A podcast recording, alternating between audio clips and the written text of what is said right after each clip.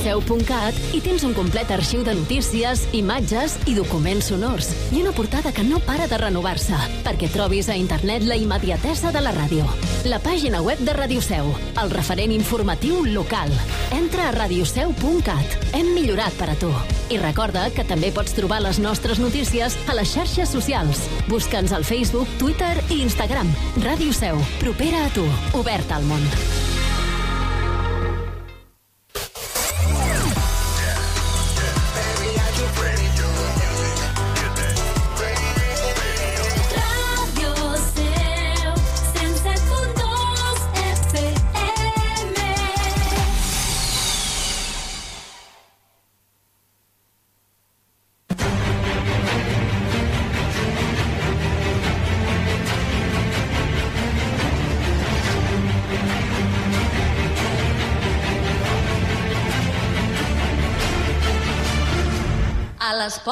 Troia, amb Alberto Reche, Sergio Rodríguez i Albert Abril.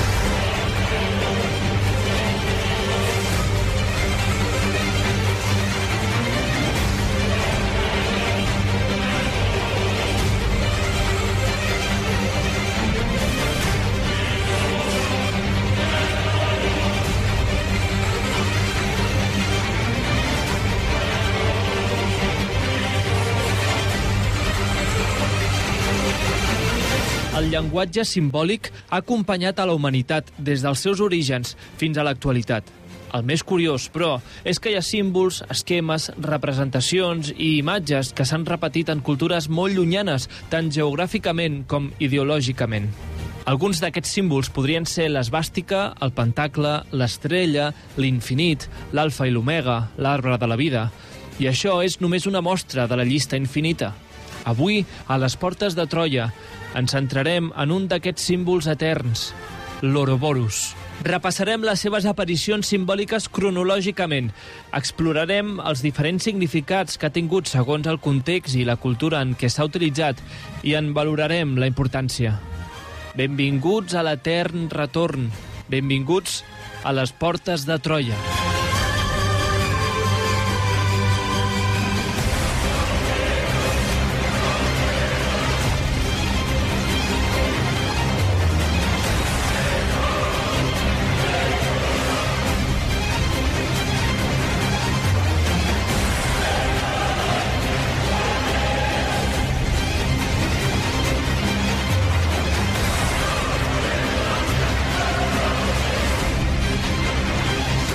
Benvingudes una setmana més a les Portes de Troia, el programa de ràdio d'història de la xarxa de comunicació local des dels estudis de Ràdio Castellar.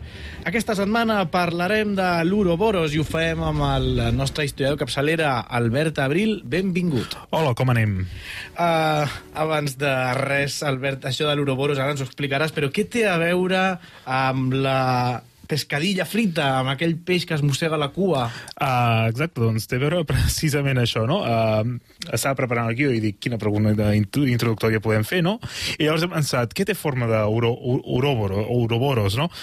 moltes coses, de fet les anirem analitzant al llarg del programa d'avui, però llavors he pensat, hi havia el peix aquell que te'l servien així cargolat, no? que és el peix que es mossega la, la cua, i dic, "Ne- vés a buscar el nom perquè no me'n recordava el nom, i és la pescadilla frita, i bàsicament té forma d'això, té forma d'ouroboros. Llavors, l'ouroboros com a tal, ja veurem que és més aviat una serp, un drac, no? Però la idea aquesta del peix que es mossega la cua, no? la idea del bucle, la idea de l'etern retorn, tot això, doncs quan ens serveixin un plat de pescadilla frita potser és el, el que pensem i són els debats interns que, que ens poden venir. I a més a més el peix... Filosofia... Uh, filosofia pura. I a més a més el peix, uh, com a tal, també té, té escates, com, com els dracs o inclús com, com les serps.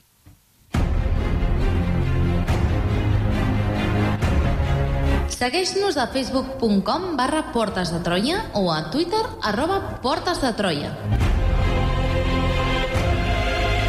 Descarrega't el podcast des d'iBooks o iTunes.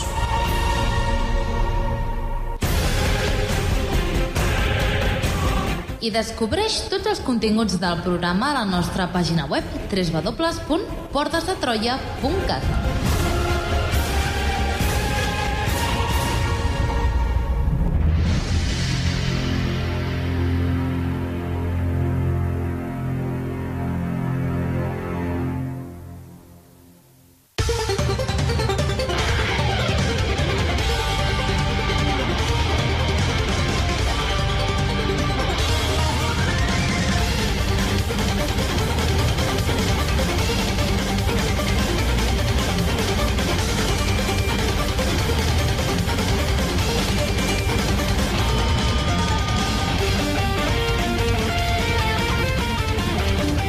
Comencem el Portes de Troia d'avui amb aquest tema que l'Albert ens sorprendrà segur que tots i, que tots i totes estem ara mateix eh, esperant la gran pregunta.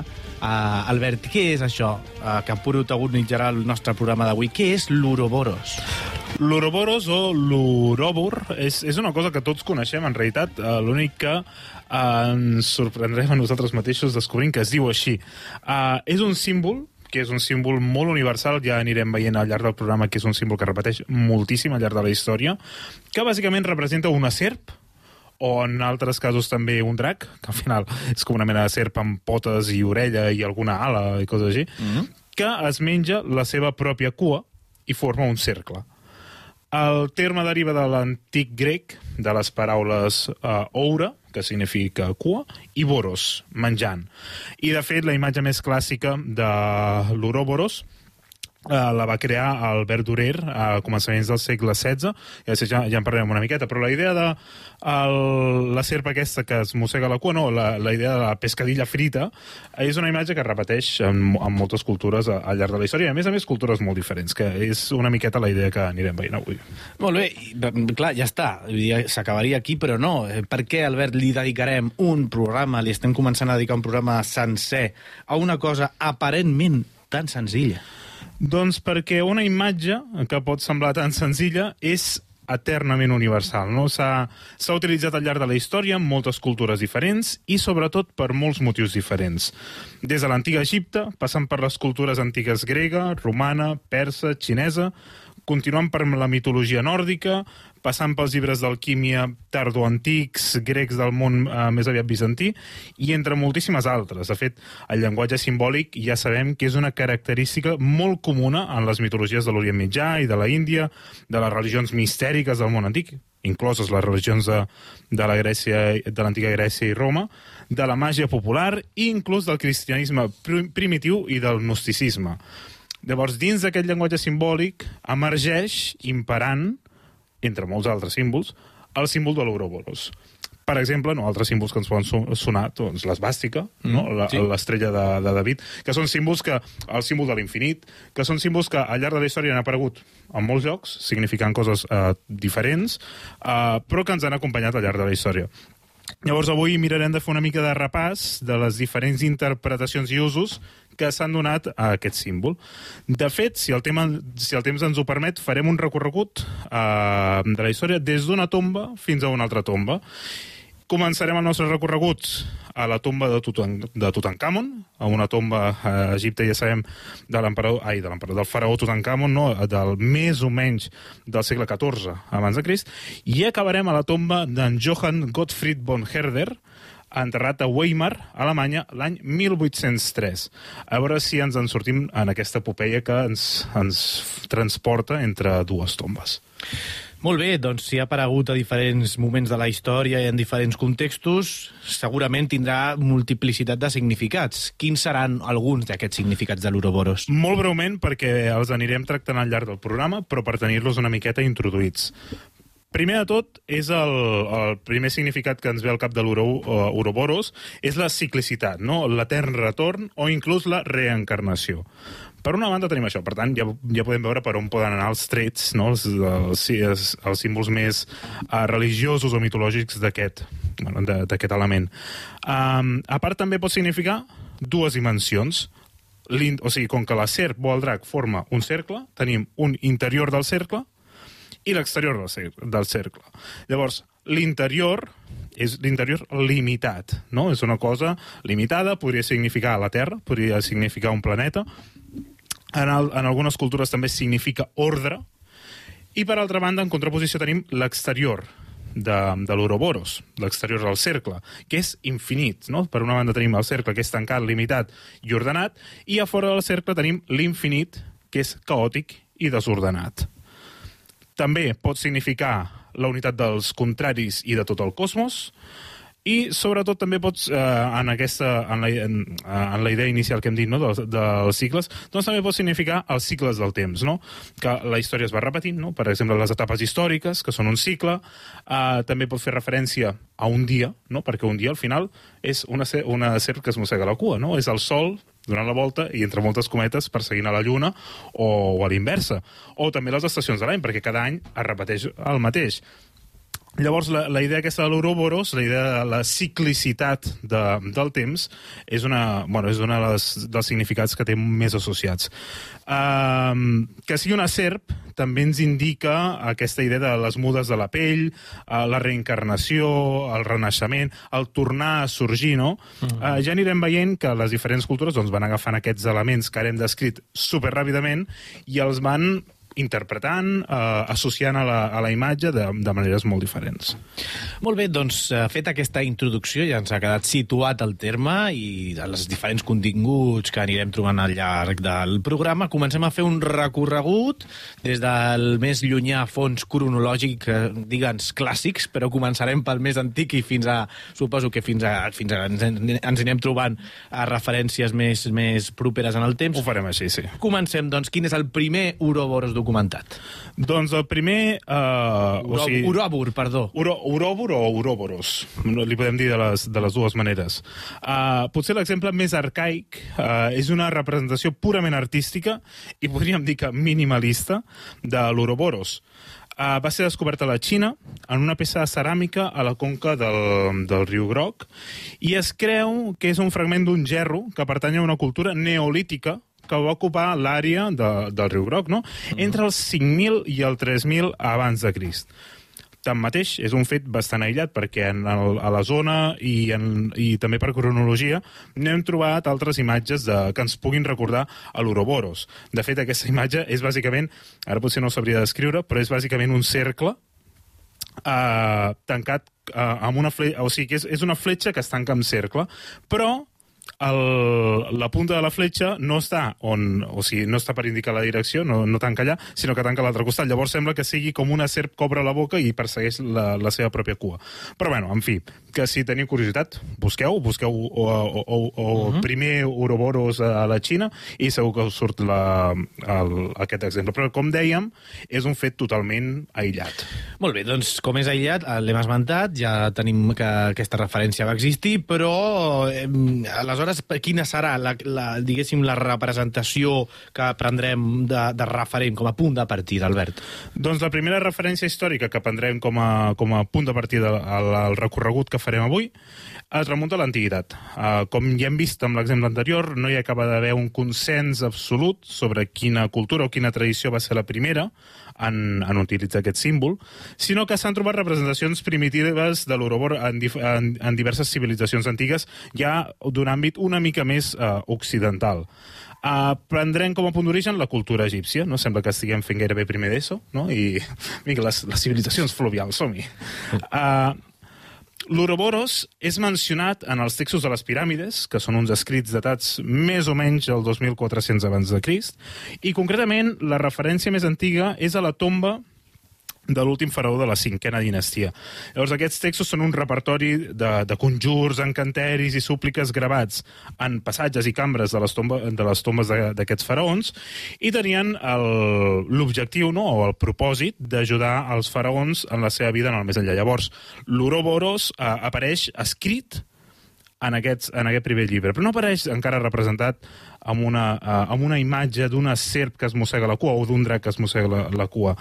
En canvi, la representació iconogràfica Uh, la primera representació iconogràfica i la més clàssica per excel·lència quan busquem Ouroboros a, a, a Google és de les primeres que en surt és, com ja hem avançat abans, a la tomba de, Tutan de Tutankamon. Per fer una mica de memòria, no, la tomba de Tutankamon, que data del segle XIV abans de Crist. Uh, això ens, ens evidencia perquè, a més a més, l'Ouroboros té, un, té una presència important a la tomba de Tutankamon. Ens evidencia uh, un ús tangible d'aquest símbol a l'antic Egipte. No obstant això, cal tenir en compte que és possible que l'Ouroboros hagués estat utilitzat en altres contextos i altres cultures en aquest període o anterior. Però potser, sempre cal uh, ser primirats amb això, però potser no ens han, ar- han arribat representacions representacions, ni referències ni textuals ni, ni visuals. Molt bé, ja ho has mencionat, la referència poder més famosa és la que es troba a la tomba de Tutankhamon.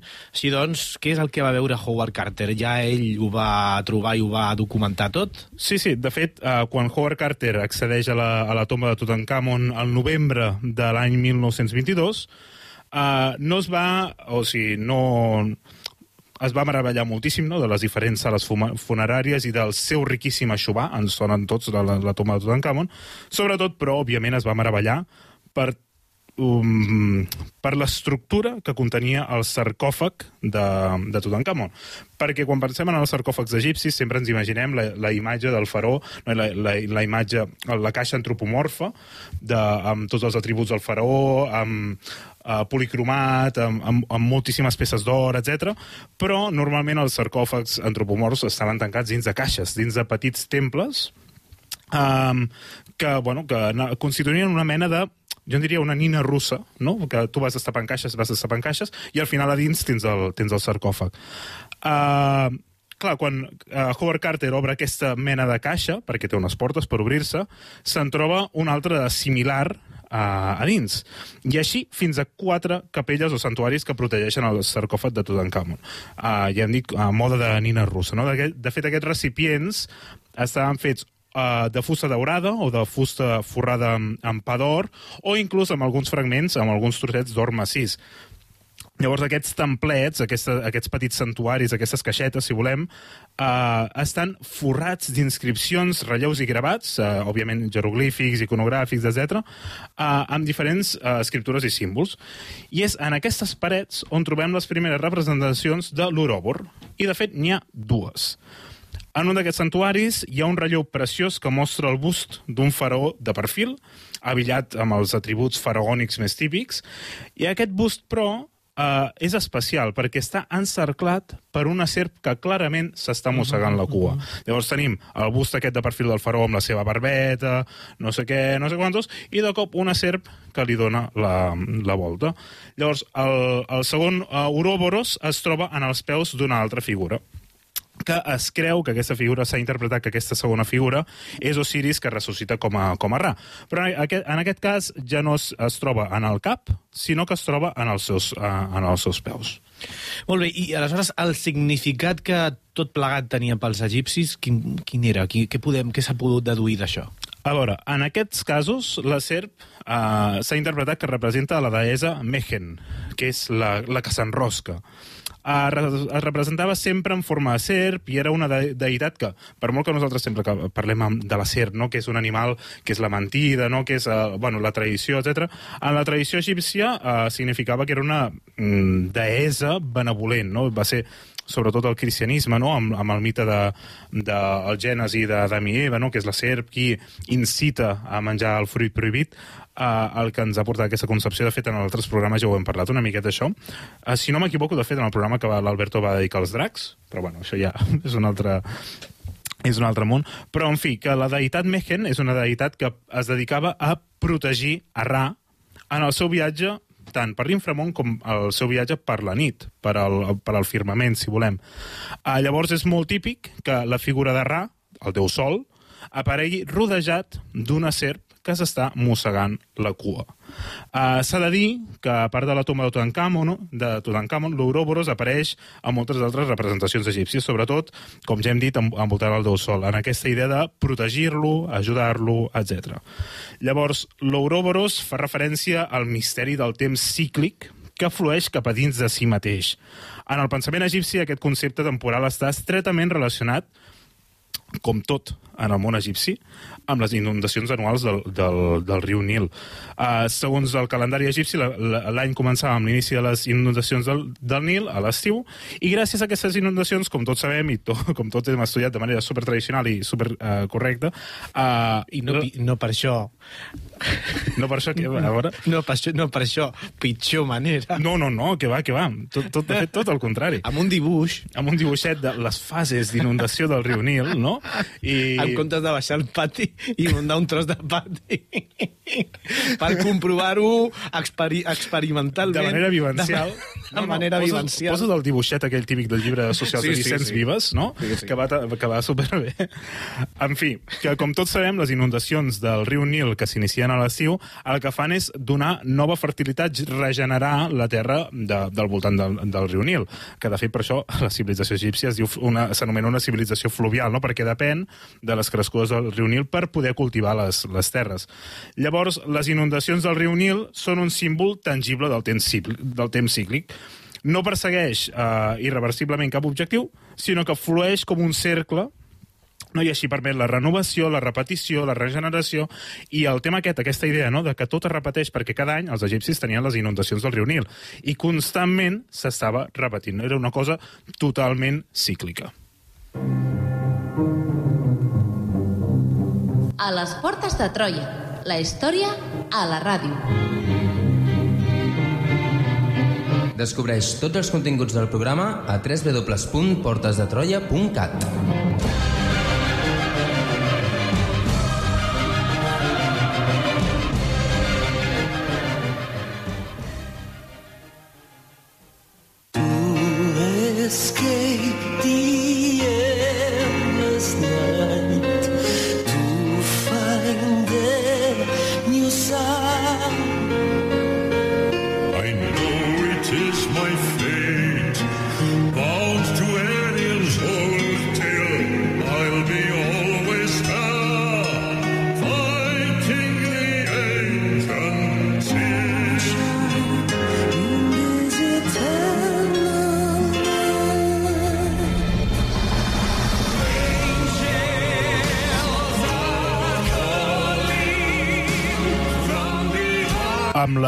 fantàstica de Christopher Lee, encetem aquest segon Oh, bloc del Christopher programa, Lee, gran. Uh, col·laborant amb, amb Rhapsody.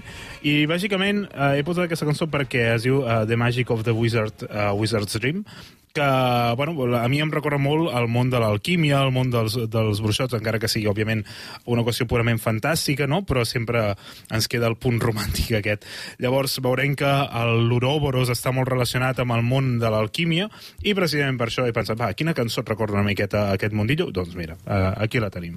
Molt bé, doncs eh, in- interessantíssim el detall que ens aportes. Seguim, però, amb uh, l'Uroboros i Egipte i aquesta relació entre Ra i la serp que envolta Ra. Uh, exacte, de fet aquesta associació mental egípcia uh, entre l'any, uh, el cicle, el viatge del Déu Sol a través de la nit amb l'ajuda de, de Mehen, les crescudes del Nil i l'abundància del temps uh, es reflecteix molt bé, d'una manera molt fantàstica, el poema de l'autor clàssic tardà, uh, Claudi Claudià, no? un, un poeta del sec, d'en- que, que va viure a cavall entre els segles uh, 4 i 5, escriu sobre el cònsul Estilico, el tutor d'Honori, un dels fills de l'emperador Teodosi.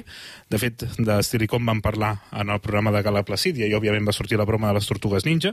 Mm. Um, I en el poema, Claudià afirma que el sol, el déu Ra, o, si volem també, el déu Apolo, després de preparar el seu carro, visitar la caverna, eh, o sigui, després de, de preparar el seu carro, el que fa és visitar la caverna del temps.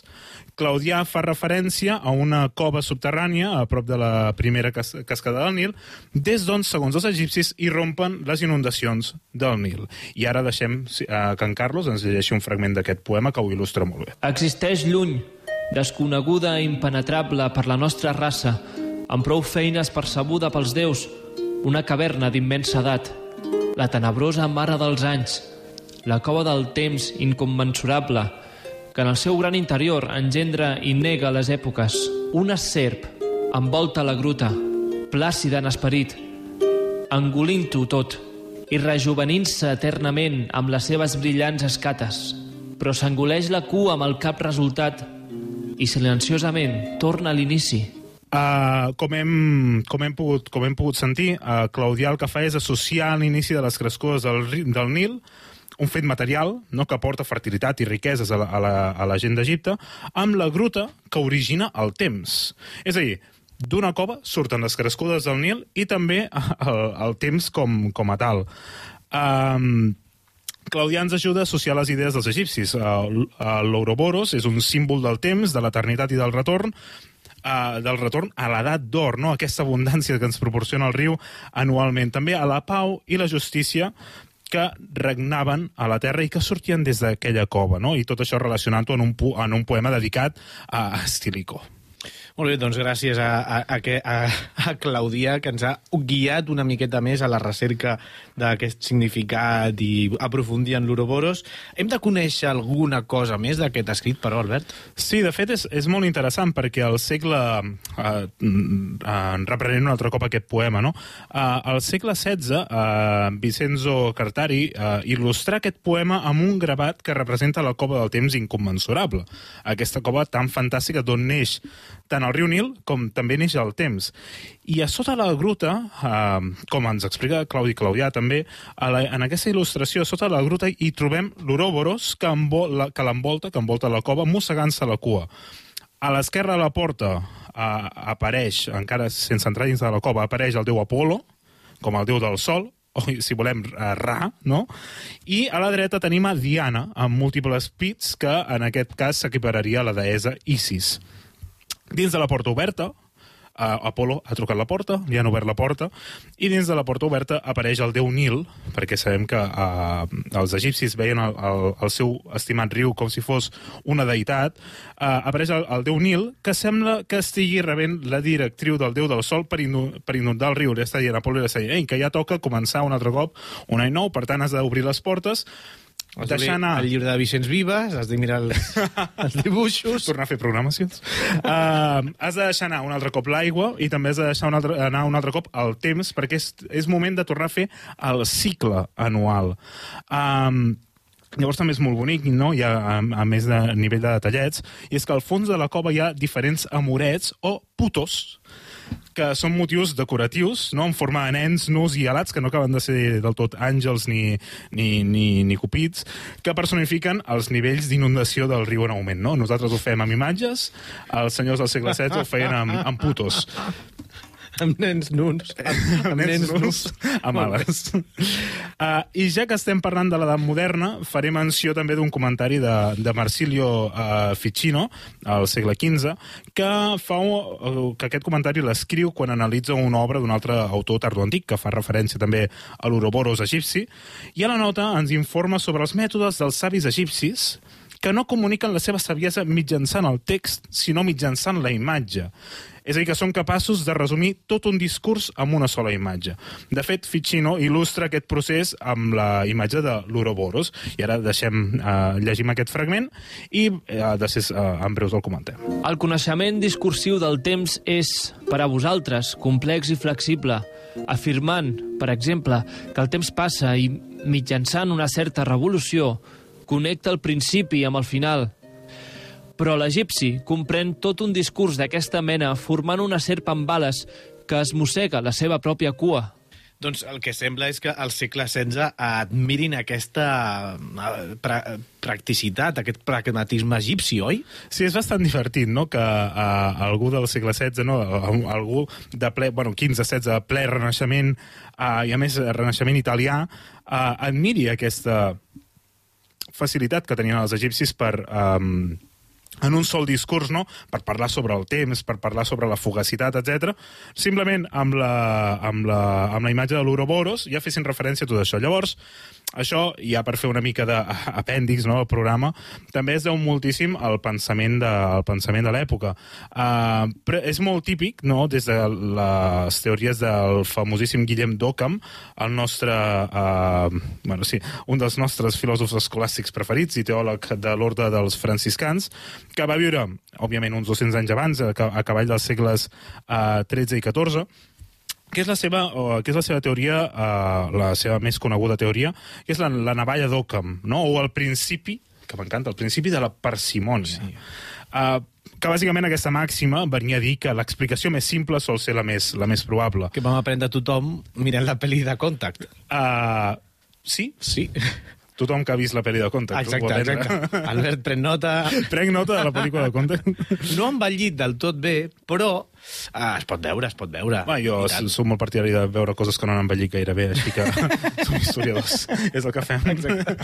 Uh, llavors, la idea aquesta de la navalla d'oca, o del principi de la parsimònia, no implica que no analitzem les coses complexes i els fenòmens complexos, sinó que s'han d'agafar els fenòmens complexos i dividir-los en parts molt simples per anali- analitzar cada part simple per si mateixa. Llavors, les explicacions senzilles són les millors en aquest sentit, no simplificant moltíssim aquesta doctrina, que és el que ens il·lustra aquest pensador italià quan comenta la idea de l'Ouroboros eh, egipci. Molt bé. Tenim altres referències d'autors clàssics tardans que ens parlin sobre com entenien l'Ouroboros eh, els antics egipcis? Sí, és que estem fent metauroboros. O sigui, estem... estem... L'Ouroboros sobre l'Ouroboros. Exacte, perquè estem, estem analitzant textos de- d'autors uh, clàssics Havia- tardans. Havíem d'haver deixat que els oients això se n'adonessin.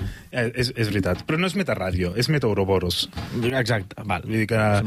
Uh, això de Metarràdio ho feia molt bé en Pau. Quan va venir en Pau, ho va fer molt bé. Uh, en fi, el... Uh, estem, estem analitzant el que pensaven els grecs uh, uh, clàssics tardans, no d'aquests uh, del segle 4, 3, 4, 5 després de Crist, sobre l'U- l'Ouroboros de, dels, dels egipcis. És, és a dir, bueno... Mm -hmm. uh, en fi, Uh, sí que tenim altres autors clàssics, no? com per exemple l'egipci grec uh, Orapoló, de, que és un, un personatge del segle V que va néixer a Egipte, a Egipte però va desenvolupar la seva carrera a Constantinople sota pre- precisament el principat de, de Teodosi un altre cop va escriure dos llibres sobre jeroglífics que es van eh, descobrir a l'illa d'Andros el 1419 Llavors, eh, aquests llibres són com una mena de diccionari sobre jeroglífics i, curiosament, eh, l'Ouroboros apareix en el principi. De fet, apareix com el segon signe del primer llibre, i això també ens diu moltíssim eh, de quina era la importància d'aquest símbol. No?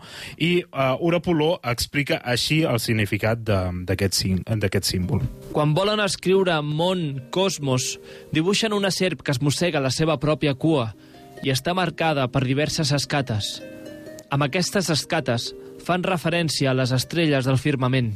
I amb això ens introduïm a una altra interpretació més astronòmica de l'Ouroboros, no? Eh, És, a- és a dir, aquesta, aquest, uh, aquesta petita descripció que ens està fent uh, Orapoló sobre, sobre aquest símbol ja ens està donant una, una dimensió que fins ara no l'havíem trobat, que és, és una dimensió astronòmica i que potser després al final del programa la, la tornem a, a mencionar.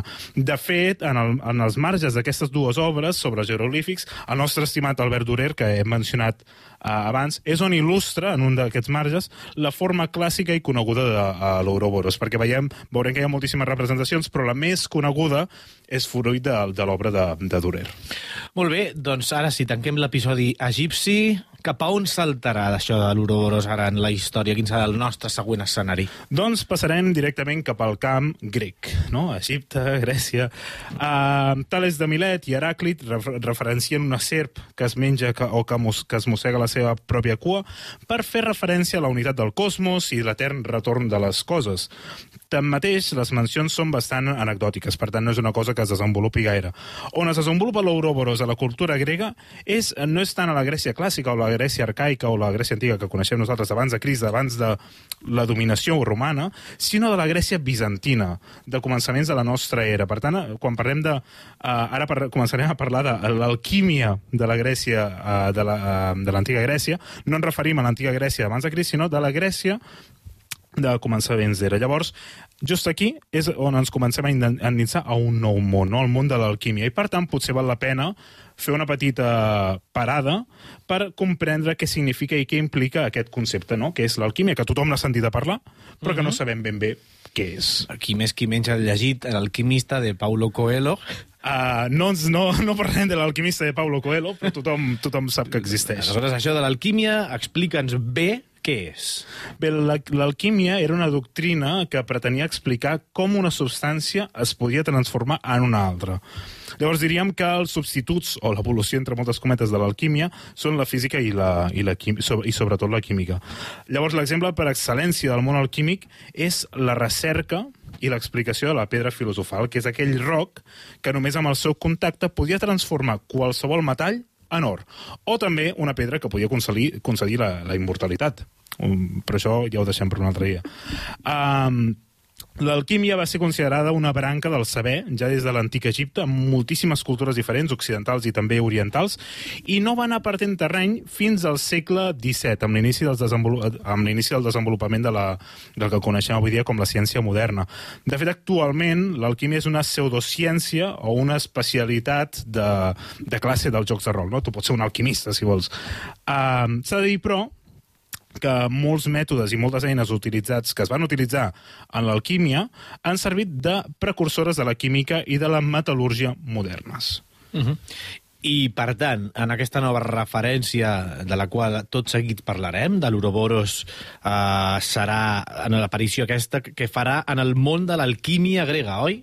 Exacte, de fet, eh, d'una forma, ho fa d'una forma molt especial, ja que aquí, en aquest moment, és quan es desenvolupa amb el seu màxim esplendor tota la simbologia de la serp que es mossega de la cua, o ja començarem a veure dracs que es mosseguen la cua.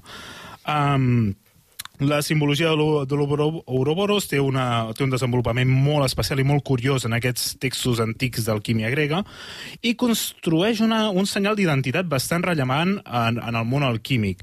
Uh, precisament, en un dels primers testimonis escrits en, en el domini alquímic, aquest tractat va ser escrit més o menys al 410 i és atribuït a Olimpiodor de Tebes, i en aquest ja s'hi cita la serp que es mossega la cua. No hi ha un dibuix, però sí que es cita la idea un altre cop d'una serp que es persegueix a ella mateixa uh, per mossegar-se la cua. I el text diu així. En efecte, alguns escribes sagrats egipcis, quan volen representar l'univers en els obeliscos o en els escrits sagrats, graven una serp que es mossega la cua. Molt bé, doncs, i aleshores aquest primer dibuix de l'Uroboros, on i quan el trobem finalment? El primer dibuix de l'O- de l'Ouro- de l'Ouroboros, eh, és que és gairebé un embarbussament, eh, dir Ouroboros cada tant, tant, de manera tan seguida. Uh, el trobarem en un tractat alquímic grec uh, que es troba en el text de Marcianus Graecus, considerat el més antic i bonic manuscrit alquímic, per tant, si voleu veure un bon manuscrit al- alquímic eh, d'aquests il·lustrats, amb molts colors, etc., uh, el, el Marcianus eh, Graecus és, és preciós. Uh, és un manuscrit que es creu que va ser escrit al segle, al segle II, III, a Alexandria, però s'ha recuperat uh, d'una còpia en pergamí del segle X. Llavors és, és un manuscrit que conté 196 folis i d'aquests concretament ens interessa el foli número 188 que té un conjunt de 5 figures. En una de les cinc figures eh, ens hem d'imaginar que és com una mena de eh, tres anells concèntrics i a cada anell hi ha eh, diferents inscripcions. Uh, les inscripcions que ens interessen són les següents. La primera és, l'un és tot, i per mitjà de tot, i per a tot. I si no conté tot, tot és res. Aquesta és la màxima uh, monista de l'alquímia, o sigui, aquesta frase és de les més importants de l'alquímia, no? Aquest l'un és tot, no? aquesta unitat del cosmos, dels diferents elements, uh, de ser si tenim temps ja en parlarem. Uh, L'anell més interior conté una altra inscripció que diu l'un és la serp que conté el rovell, o el corc, desès de dues uh, superacions. Finalment, al costat, eh, i això és el que realment ens interessa d'aquesta imatge dels tres anells concèntrics, en el costat dret d'aquests cercles, amb, amb unes inscripcions que eh, s'estenen amb uns símbols màgics, apareix una cua. És a dir, són tres cer cercles concèntrics dels quals surt una mena de cua amb uns simbolets màgics eh, en el final. I això eh, porta a pensar que aquests tres cercles concèntrics són una serp que també s'està perseguint a ella mateixa. Podríem entendre que és una forma complicada i expressiva d'entendre un altre cop la serp que es mossega la cua en un llibre d'alquímia. Sí, perquè això eh, jo m'he perdut una mica. Eh? Centrem el tema. Eh, Exactament com ho relacionem amb l'Uroboros, això? Sí, perquè aquesta estava una mica agafada amb pinces. No són tres anells concèntrics amb una cua que surt i podria portar Sembla- a pensar... Sí, jo estic mirant el teu dibuix i sembla un, car Sí, sembla un cargol. dibuixant. Podria semblar un cargol, uh, però el que realment ens porta a pensar i el que realment ens porta a, a dir que en aquest llibre d'alquímia, bueno, aquest manuscrit d'alquímia, hi ha el primer Ouroboros uh, um, relacionat amb l'alquímia grega, no és, o sigui, recordeu que estem mirant el pergamí 196, ai, perdoneu, el, el, el pergamí 188, i hem dit que hi havia un conjunt de cinc figures. La que ens interessa no és aquesta, sinó que la que ens interessa és una altra. Um, El més important és aquesta figura, que és clarament una serp que s'està mossegant la cua. El seu cos està dividit cromàticament en dues parts, ja tenim una part negra i una part blanca, i està coberta d'escates i està subdividida en tres zones asimètriques. Al centre d'aquesta figura, al mig d'aquest cercle que forma la serp que s'està mossegant la cua, hi ha escrit l'un és el tot i les seves meitats negres i blanca i negra i blanca poden representar una dualitat gnòstica de l'existència. No? De fet, és una serp, un ouroboros, que ens, ens recorda una miqueta al, al símbol taoista del, del yin i el yang. Mhm. I ens vols mencionar algun altre tractat d'alquímia grega? Sí, de fet, l'Ouroboros anirà apareixent de manera bastant recurrent no, en els tractats d'alquímia, uh, però per posar alguns exemples, el, el Parisinus Graecus és uh, el copista, uh, o sigui, això és una recopilació que fa un copista medieval, uneix en aquest manuscrit en forma d'enciclopèdia tots els tractats d'alquímia als que tenia accés, els, els, que coneixia, els que coneixia. En aquest manuscrit, la serp que es mossega la cua apareix dibuixada en dues ocasions, detallada, detalladament dibuixades i, a més a més, també pintades en molts colors. La primera és el foli 196, tenim la serp que està composta de tres anells, un altre cop la idea dels anells, mm -hmm. fixem-nos, això també ens podria sus portar a sospitar que el d'abans realment potser sí que era un ouroboros, però menys, menys definit. Uh, tres anells concèntrics de colors vermell, groc i verd i ens pot, eh, o sigui, la serp està plena d'escates, té tres orelles i quatre potes, és a dir, per primer cop ens apareix un ouroboros amb potes ore i, i orelles. Uh -huh. Segons es descriu en el text de sota d'aquesta imatge, les quatre potes representen els quatre elements molt famosos en el món de l'alquímia.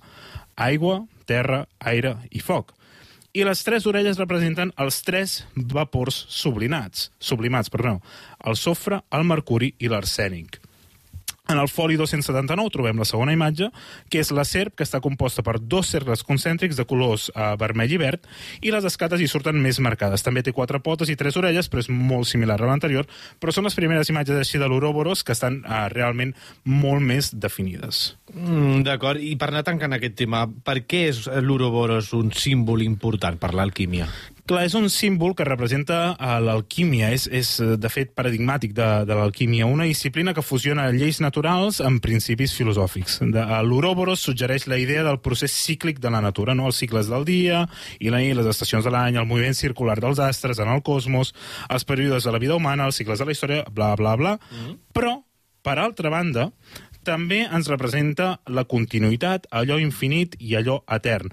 Expressa la unitat de les coses, la unitat dels quatre elements, dels tres eh, vapors sublimats, eh, i a més a més també ens representa la unió entre allò material i allò espiritual, que és bàsicament el que és l'alquímia, no? la unió del món aquest material amb elements espirituals per poder acabar transformant la, la matèria.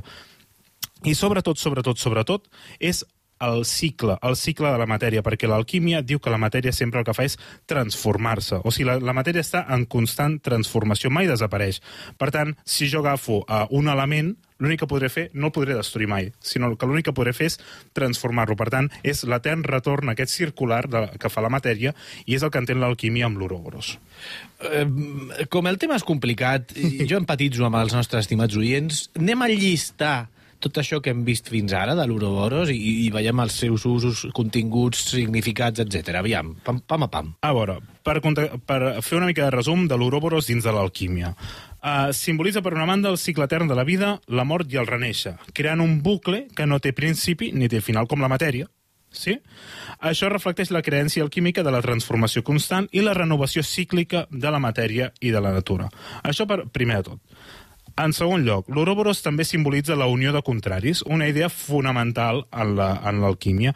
La, la serva o el drac que es mossega la cua representa la integració de forces oposades, com el masculí i el femení, el sol i la lluna, el pur i l'impur, l'exterior i l'interior. Llavors, els alquimistes busquen harmonitzar aquests aspectes contraposats per aconseguir l'equilibri i la transmutació de la matèria. Uh, i en quart lloc, o tercer lloc, ja no me'n recordo, uh, l'Ouroboros té un significat relacionat amb l'autotransformació i la regeneració, no? aquesta idea també del riu Nil, no? l'autotransformació, la regeneració de les terres. En mossegar la seva pròpia cua, la serp o el drac es consumeix a ella mateixa i també reneix. Que és, és la, també la imatge de, de renovar la pell. No? Aquest procés simbolitza la necessitat d'explorar i transformar la pròpia essència interior per aconseguir l'evolució i, la i la transmutació personal i també de la matèria.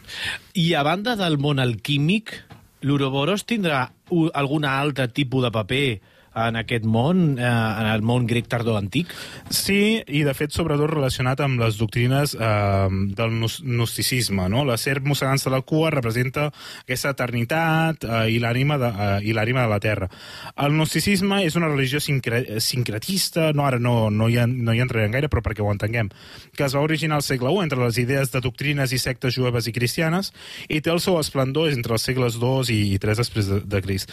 I clar, eh, el, aquesta tendència gnosticista considerava que el, el, els humans són eh, o ànimes divines i, per tant, perfectes que viuen en un cos imperfecte. Llavors, la idea de l'Ouroboros és per recordar-nos aquestes ànimes divines i eternes que viuen a la Terra i que tenen diferents cicles en la vida. A les portes de Troia. Descobreix la teva història.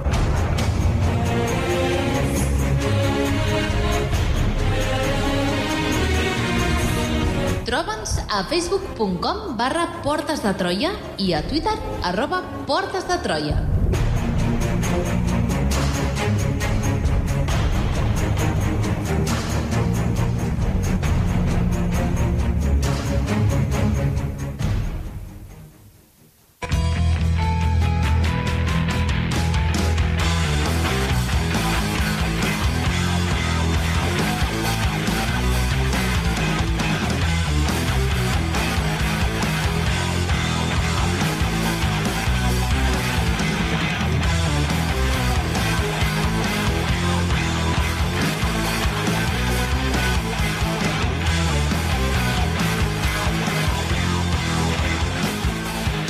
Recte final d'aquest programa d'avui, que no serà un programa Uroboros, això tindrà un, un final i que començarà, diguéssim, al final del nostre programa eh, començarà amb un altre nou programa. Si estàs escoltant, per exemple, el programa a través de l'iVox o l'Spotify, doncs segurament se't descarregarà un nou programa.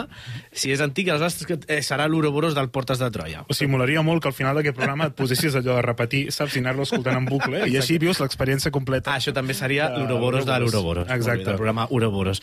Però aparquem els tractats grecs i centrem-nos, doncs, en la seva aparició a diferents mitologies, Albert. A veure, aquí farem sobretot referència una miqueta a la mitologia grega i llavors ens centrarem directament a la mitologia nòrdica o escandinava. A la mitologia grega l'Ouroboros no apareix directament com a tal, però hi ha un parell de mites que ens, re ens recorden això, la idea aquesta de la ciclicitat, de l'etern retorn, etc. Com, per exemple, quan Hèrcules o Heracles s'enfronta contra la Hidra, recordem la Hidra, aquesta mena de monstre o serp enorme que té un cap, i quan li talles aquest cap li surten dos més, i quan li talles aquests dos més li surten quatre més, i així de manera exponencial, no? fins a tenir una milers i milers de caps, i no hi ha cap manera de matar-la, fins que Heracles, per trencar el bucle, el que fa és calar-li foc i diu, no la puc matar doncs tallar-li els caps, doncs li calo foc. Uh, aquesta és la idea una miqueta no, de, del cicle, d'això etern, d'això immortal, d'això que, uh, uh, vale, li tallo un cap, li surten dos més, vale, doncs tornem a començar. És el peix, un altre cop fixem-nos en l'expressió, no, el peix que es mossega la cua, La pescadilla frita. la pescadilla frita que s'està mossegant, mossegant la, la cua tota l'estona. També ens pot recordar el, mitre, el mite de, de Sísif, que és el, aquell personatge de la mitologia grega, que és... Um, condemnat a l'inframont eh, i el seu càstig és emputxar una pedra enorme cap al, cap al cim d'una muntanya sempre contrapendent. I quan està just a punt d'arribar al cim d'aquesta muntanya amb la pedra aquesta, que pesa 20 cops el seu pes, la pedra està destinada sempre a tornar avall de la muntanya. Per tant, Sísif què ha de fer? tornar baix, tornar a agafar la pedra i tornar-la a empujar cap amunt. I això de manera eterna, aquest és el seu cas. I llavors, aquesta seria una miqueta les, uh, les dues idees que ha agafat una mica amb pinces, no? Re re relacionem la idea de l'Ouroboros amb la mitologia clàssica. I sense pinces, tenim algun cas una miqueta més explícit? Sí, de fet, molt més explícit, ja ho hem avançat abans, és el cas eh, molt més conegut, el de la mitologia nòrdica o de la mitologia escandinava, que és el, el cas de Jormungand. Que Jormungand, recordem que és, eh, a molts en sonarà, no? És la serp, o el drac en forma de serp, que és el fill de Loki i Andro i Androva, que és un ésser tan gran que dona tota la volta a Midgard. Um, pel fons del gran oceà, uh, pel fons del gran oceà exterior, fins al punt és tan gran, tan gran, tan gran que dona tota la volta al planeta Terra, no a Midgard, uh, el planeta dels, dels humans, el planeta Midgard, el del mig, uh, formant l'Ouroboros, perquè quan Jormungand creix prou, quan aconsegueix donar tota la volta, què fa, amb la seva, quan, què fa quan el seu cap es troba amb la seva cua? Mossegar-se. Quan la serva va néixer, Odin la va fer llançar a Midgard, on va créixer a tantíssim fins a donar-li la volta i mossegar-se ell mateix la cua, i és un personatge que en el Ragnarok pren moltíssim protagonisme, perquè serà com l'arxienemic o el gran rival de, de Thor. De fet, Thor guanyarà en el Ragnarok, guany- guanyarà la gran serp del món, uh, però uh, farà vuit passes cap a un costat i acabarà morint perquè ha anhelat el seu alè verinós. Uh, llavors aquesta imatge del, uh, del Jormungand és, és, és el, el paradigma de, de l'Ouroboros més iconogràfic. No? De fet, d'aquí surt molt merchandising d'aquest neo-viking, no? que són pulseres i són collarets, que precisament són uh, l'Ouroboros, no? Uh, fent, fent forma de, de collarets similars als que hauria dut uh, Boudica uh, uns, segles, uns segles abans. Quines referències que et creguis que val la pena comentar al programa d'avui, en els 7 minuts que resten, eh, que podem comentar més? Molt breument, en, les, eh, en, en un àmbit més, eh, continuem en un àmbit així més religiós i mitològic. A certes cultures tropicals de Sud-amèrica hi havia la creença que el Dismon, no, la, la terra plana, també estava envoltada per una serp, igual que la cultura, bueno, igual que la religió nòrdica, i normalment aquesta serp era una anaconda que, òbviament, s'estava mossegant la cua. Uh, o, per exemple, el, levi- el leviatà bíblic, uh, segons la cultura uh, Zohar, el leviatà és una criatura enorme que té la seva cua situada a la seva pròpia boca i està cargolada al voltant del món. Uh, inclús en els textos, en alguns textos antics de, de la Índia, la, la Itarea Brahmana, uh, datats del segon mil·lenni abans de Crist, uh, compara algun dels rituals dels vedismes, uh, del vedisme, perdoneu, amb la serp que es mossega la cua. De fet, el vedisme uh, és un conjunt de creences no, que són la base del brahmanisme i de, i de l'hinduisme. Però una relació que m'ha cridat bastant l'atenció, uh, la simbologia de l'Ouroboros també ha estat utilitzada per descriure el, el Kundalini, eh, que és un, un terme sànscrit amb el que es descriu una energia invisible i immesurable, immesurable que roman adormida al cos humà. Un dels principis del ioga, per exemple. Mm -hmm. El poder diví, eh, diu així el text, el poder diví Kundalini brilla, amb una, brilla com una tija d'un lotus jove, com una serp enrotllada sobre ella mateixa que aguanta la cua amb la seva pròpia boca i està estirada mitja dormida a la base del cos. Per tant, fixem-nos, no? mitologia nòrdica, De tot, eh, de tot. cultura sud eh, sud-americana... És un bufet i- lliure de proposicions I- i eh, ioga, és- uroborístiques. És fantàstic. I ja que hem, com dèiem, relacionat l'Ouroboros amb els nòrdics, el ioga, l'alquímia, no ho podem fer amb els vampirs, també? De fet, també, uh, i ja que vam dedicar un parell de programes als vampirs en aquesta mateixa temporada, uh, parlem de uh, Michael Ranth, uh, que va viure entre 1700 i 1774, que va ser un pastor luterà alemany que va escriure diversos tractats sobre vampirisme, Uh, I, de fet, és molt normal trobar-lo citat en la literatura vampírica.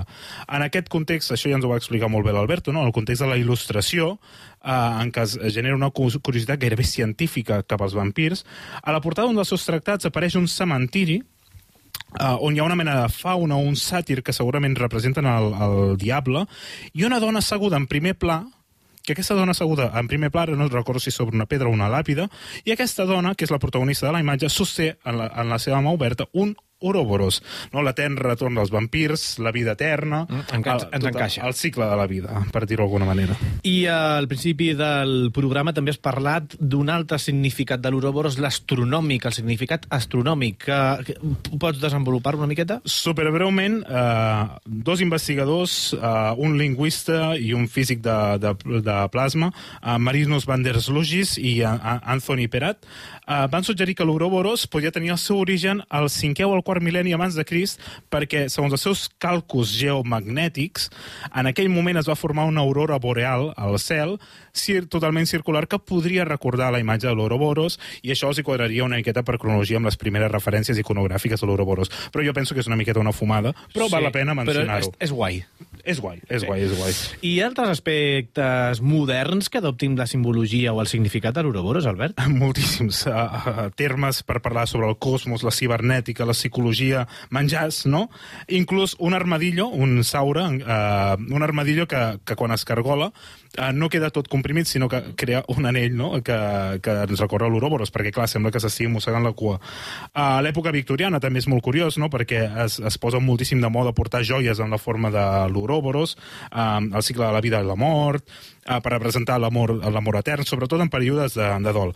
Però potser una dada que m'ha cridat moltíssim l'atenció i m'ha semblat molt divertida és que el científic alemany Au- August Kekulé, al, a començaments del segle XIX, que és un dels fundadors de la química orgànica, va descriure el seu moment d'eureka quan es va prendre, eh, bueno, quan va prendre consciència de l'estructura del benzè.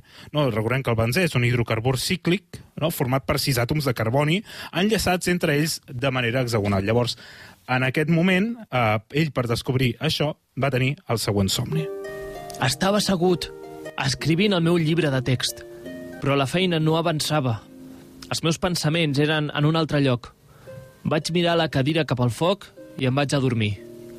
De nou, els àtoms es divertien davant els meus ulls. El meu ull mental, aguditzat per les visions repetides d'aquest tipus, ara podia distingir estructures més grans de múltiple conformació. Files llargues, a vegades més ajustades, totes s'enroscaven i giraven en moviments semblants als d'una serp. Però mira, què era això? Una de les serps havia agafat la seva pròpia cua i la forma girava de manera burlesca davant els meus ulls. Inclús eh, l'Ouroboros ha servit eh, com a símbol de societats com la societat eh, teosòfica, no? que, és, que té un símbol, és una societat que es va fundar el 1875, que té com a lema no hi ha cap religió superior a la veritat, que el seu, el seu logo és una espècie d'estrella de David, en blanc, amb l'esbàstica, i tot rodejat amb un uh, Ouroboros. Però que, en fi, que uh, veient que l'Ouroboros és superversàtil, no?, per tractar-se de l'estructura orgànica d'elements de, de, orgànics químics, no?, com per exemple el benzè, i també per fer de logos de societats de, de coneixement. I si hem eh, començat amb la tomba de Tutankamon, doncs acabem amb, amb la tomba de eh, Johann Gottfried von Herder, enterrat a Weimar a l'any eh, 1803, que ens has dit al principi que acabaríem amb ell.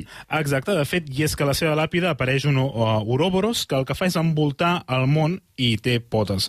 A, me, uh, a més, i per ser molt breus, perquè entre una cosa i l'altra ja no tenim més temps, no és que sigui un personatge totalment... Uh, no és un alquimista, no és un egipci, sinó que era un membre de la secta Illuminati.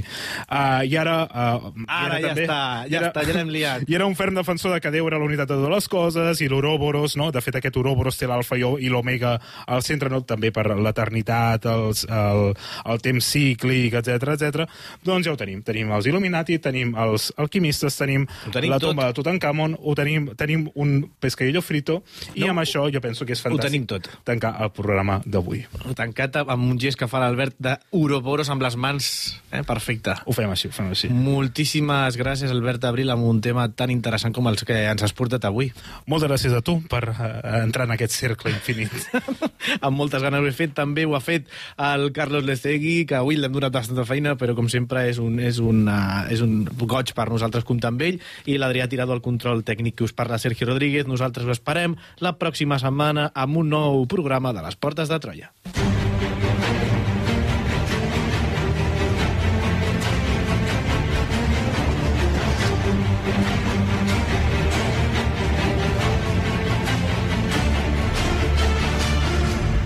Les portes de Troia, amb Alberto Reche, Sergio Rodríguez i Albert Abril.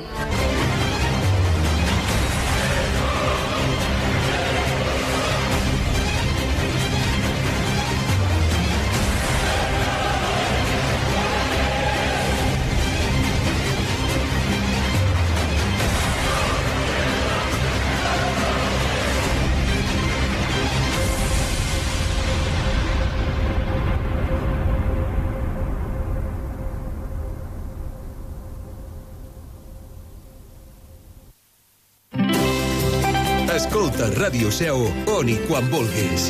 Entra a l'apartat de ràdio a la carta de la nostra pàgina web i tria allò que més t'interessa de la nostra programació. Els informatius, les entrevistes, els programes musicals, culturals i esportius, la programació especial... On i quan vulguis, Ràdio Seu. A la carta des de la nostra pàgina web radioseu.cat.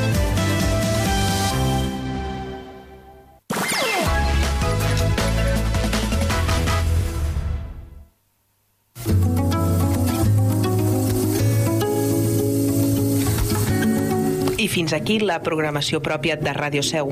Connectem amb Catalunya Ràdio.